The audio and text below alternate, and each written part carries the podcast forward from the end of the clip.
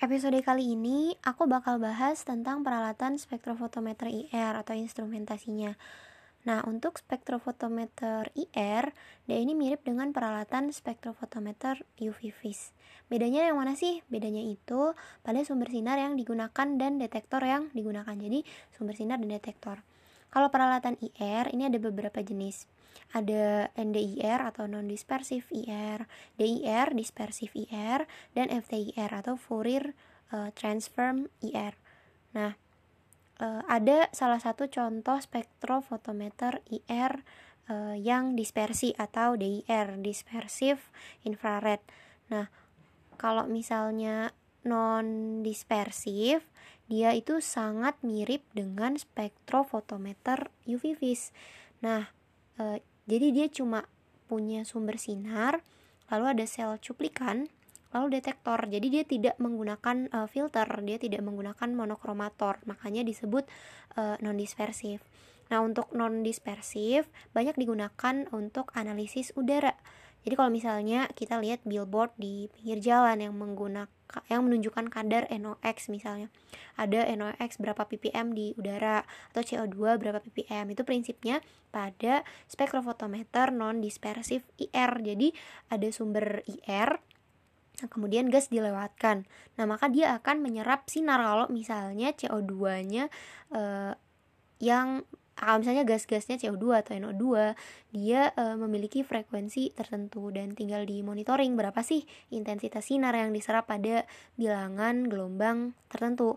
Nah, dari situ kita bisa menentukan konsentrasi komponen gas-gas terutama CO2, NO2, SO2 yang ada di udara karena senyawa tersebut memiliki bilangan gelombang yang khas di daerah spektrum IR. Dengan demikian, kalau misalnya intensitas sinar yang diserap pada daerah tersebut bisa diukur, Nah, jadi kita e, bisa nentuin berapa sih konsentrasinya, tapi kita tetap harus membutuhkan standar dalam penentuannya. Nah, kemudian untuk e, eh, DIR atau dispersive infrared. Nah, sumber sinarnya itu sampai ke detektor melalui e, transducer kayak biasa detektor kan punya transducer ya dia merubah energi cahaya menjadi energi listrik nah dia perlu didispersikan dulu pakai kisi difraksi kayak filter sumber sinarnya itu ada dua ada reference ada uh, sampel ada pembanding dan uh, cuplikan. Nah secara bergantian dia masuk ke kisi difraksi karena ada chopper. Jadi uh, ada kesetimbangan antara reference dan sampel. Kalau sampelnya uh, menyerap, jadi nanti ketika uh, jumlah sinar datang dari sampel dan datang yang dari reference itu sama. Nanti dipasang akumulator sehingga jumlah intensitas sinar yang keluar dari sampel sama dengan reference. Nah, kalau dia digerakkan ke bawah, dia ikut menggerakkan pena yang uh, menulis kertas perekam dan berputar sesuai dengan putaran kisi difraksi. Jadi uh, kayak nanti yang arah dipancarkan sama, tapi kalau misalnya ada perbedaan akan terjadi perputaran. Nanti sinar yang ditransmisikan tergantung dari diserap tidaknya cahaya oleh sampel yang berputar sesuai dengan uh, putaran kisi difraksi pada bilangan gelombang berapa ia menyerap sinar. Nah, itu kemudian yang diambil sebagai spektrum infrared. Kalau di FTIR atau Fourier Transform Infrared dia itu agak berbeda dari DIR karena dia tidak lagi menggunakan rangkaian optis seperti yang di DIR.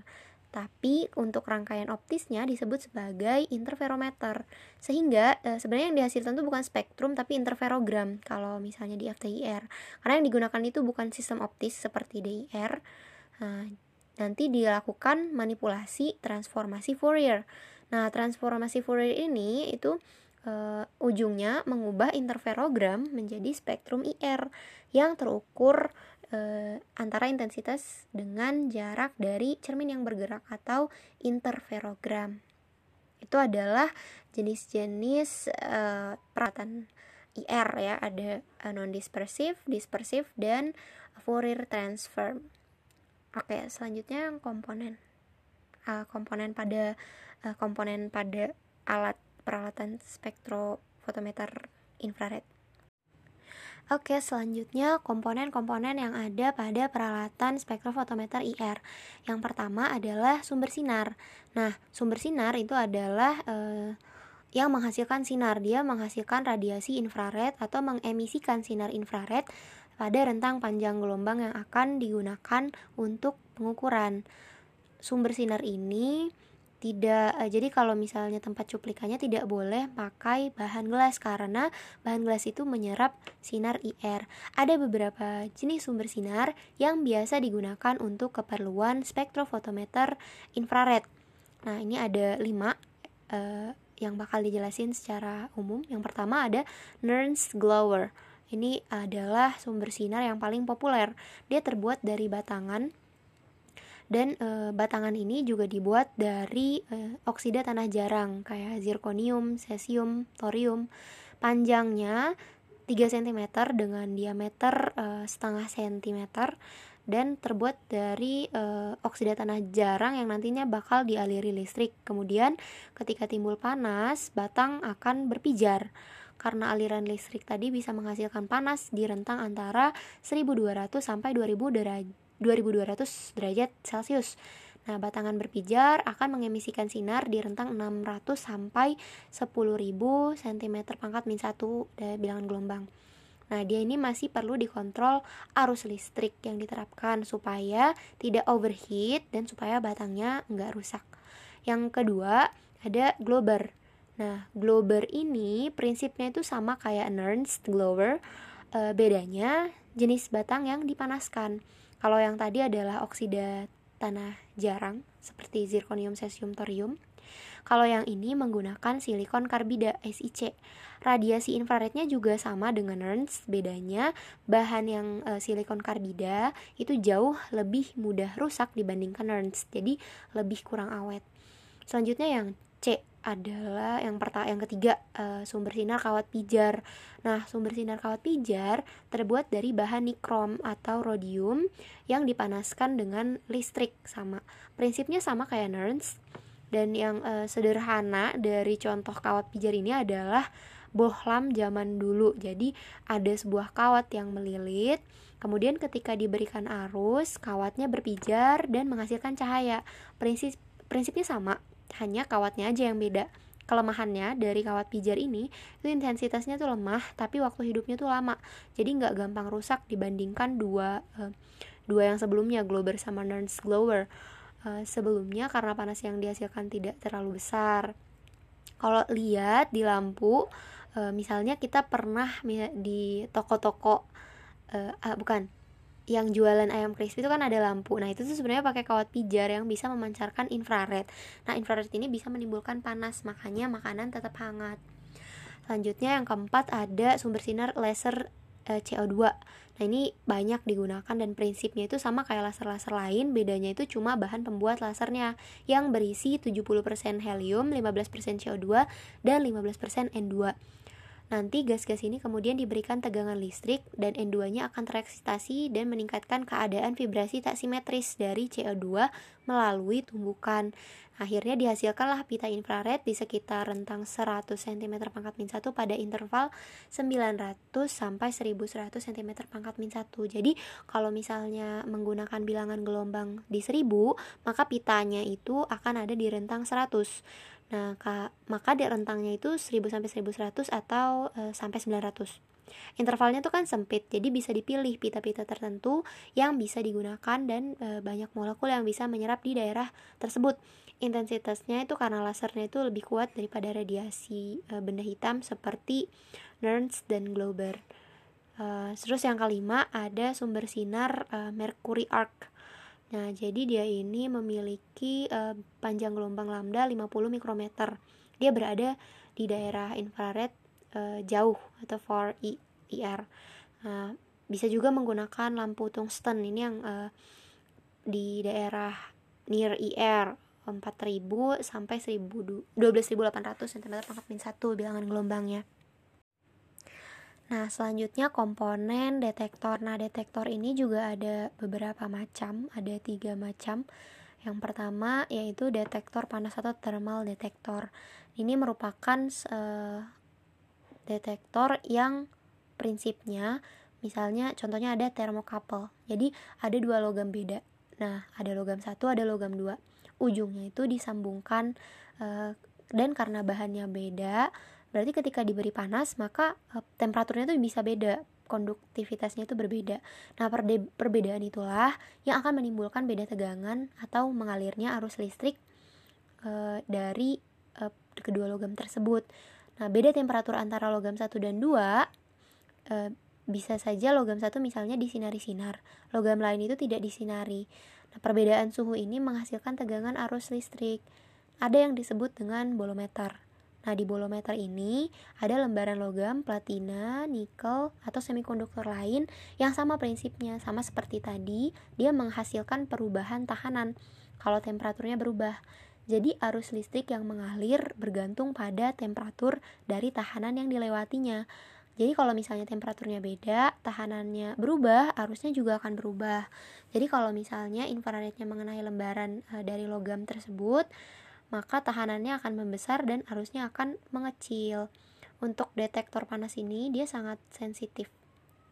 Nah, kemudian yang kedua jenis detektor fotokonduksi. Nah, jenis detektor ini yaitu e, ada lapisan semikonduktor. Biasanya yang digunakan adalah PBS atau pelumbum sulfida yang kalau dikenai cahaya terjadi perpindahan dari keadaan tidak konduktif ke keadaan konduktif atau dari pita valensi ke pita konduksi. Kalau ada perpindahan, maka resistensi atau tahanan akan menurun. Jadi, ketika tahanan menurun, arus akan meningkat. Nah, biasanya e, bisa digunakan di rentang 10.000 sampai 333 cm pangkat min 1 pada suhu ruang. Nah, konstruksinya itu jadi ada lapisan PBS e, yang diletakkan pada sebuah permukaan gelas kemudian nanti diberikan e, sinar UV eh, di, diberikan ada ada pancaran IR-nya kemudian uh, yang ketiga jenis detektor piroelektrik. Nah piroelektrik ini dia menggunakan material keramik uh, atau lithium tantalit nah dia ini bisa terjadi sebuah polarisasi muatan plus dan negatif kemudian akan terpisah ketika diberi medan listrik. Sama dengan yang tadi sifatnya itu juga bergantung pada suhu. Jadi yang diukur adalah derajat polarisasi ketika temperaturnya berubah dan responnya itu sangat cepat. Jadi untuk detektor piroelektrik ini sangat cocok buat digunakan di uh, eh, FTIR atau Fourier Transform Infrared. Komponen selanjutnya adalah tentang uh, adalah sel, sel cuplikan dan monokromator. Untuk sel cuplikan, dia harus terbuat dari bahan yang uh, transparan terhadap IR atau tidak menyerap IR.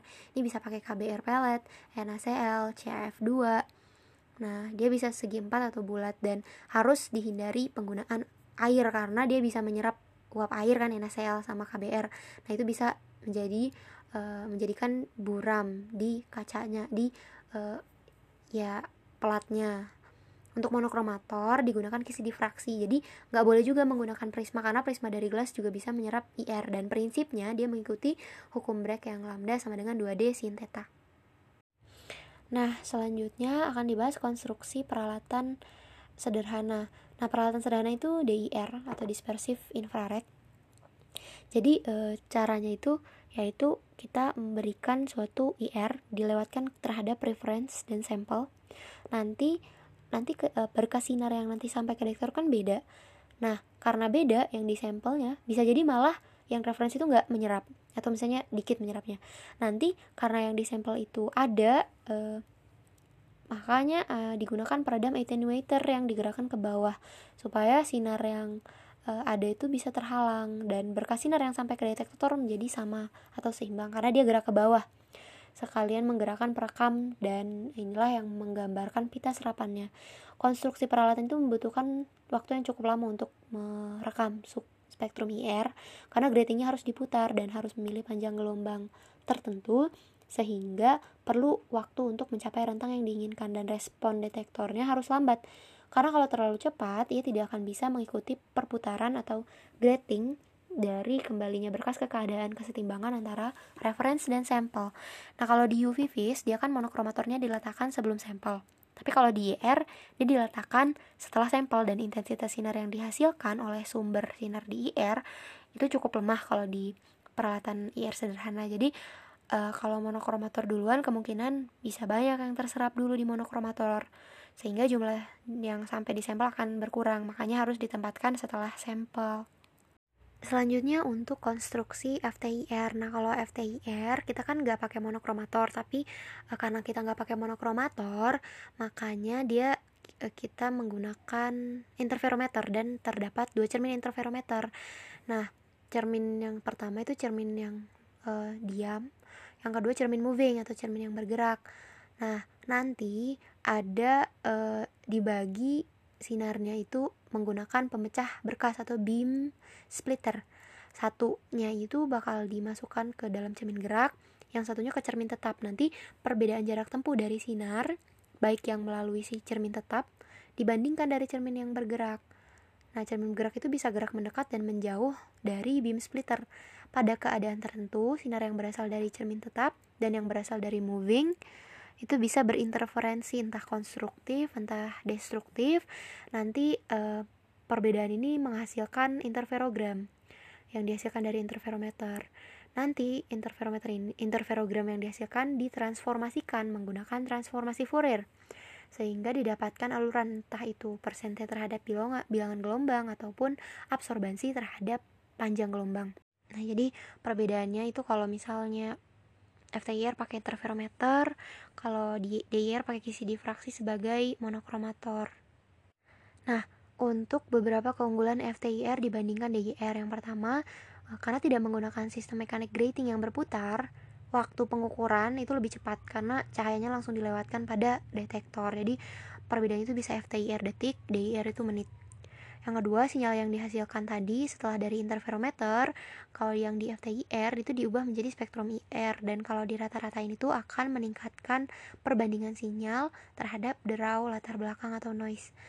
Nah, dengan meningkatkan uh, ini jadinya sinyalnya itu jauh lebih besar dari noise dan itu setara dengan akar jumlah kali scanning yang dilakukan.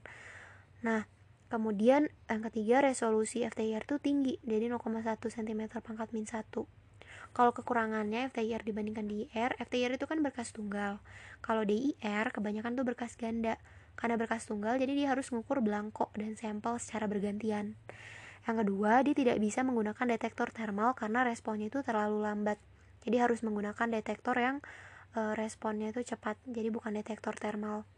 Pada DIR, dia pakai sistem mekanik tadi kan ya. Dia memutar grating yang direkam bilangan gelombang satu per satu intensitasnya berapa gitu jadinya perekamannya itu memakan waktu sekuensial tapi pada FTR itu dilakukan secara simultan semua bilangan gelombangnya langsung masuk ke detektor karena yang ditampilkan itu eh, sebagai spektrum hasil transformasi Fourier dari interferogram.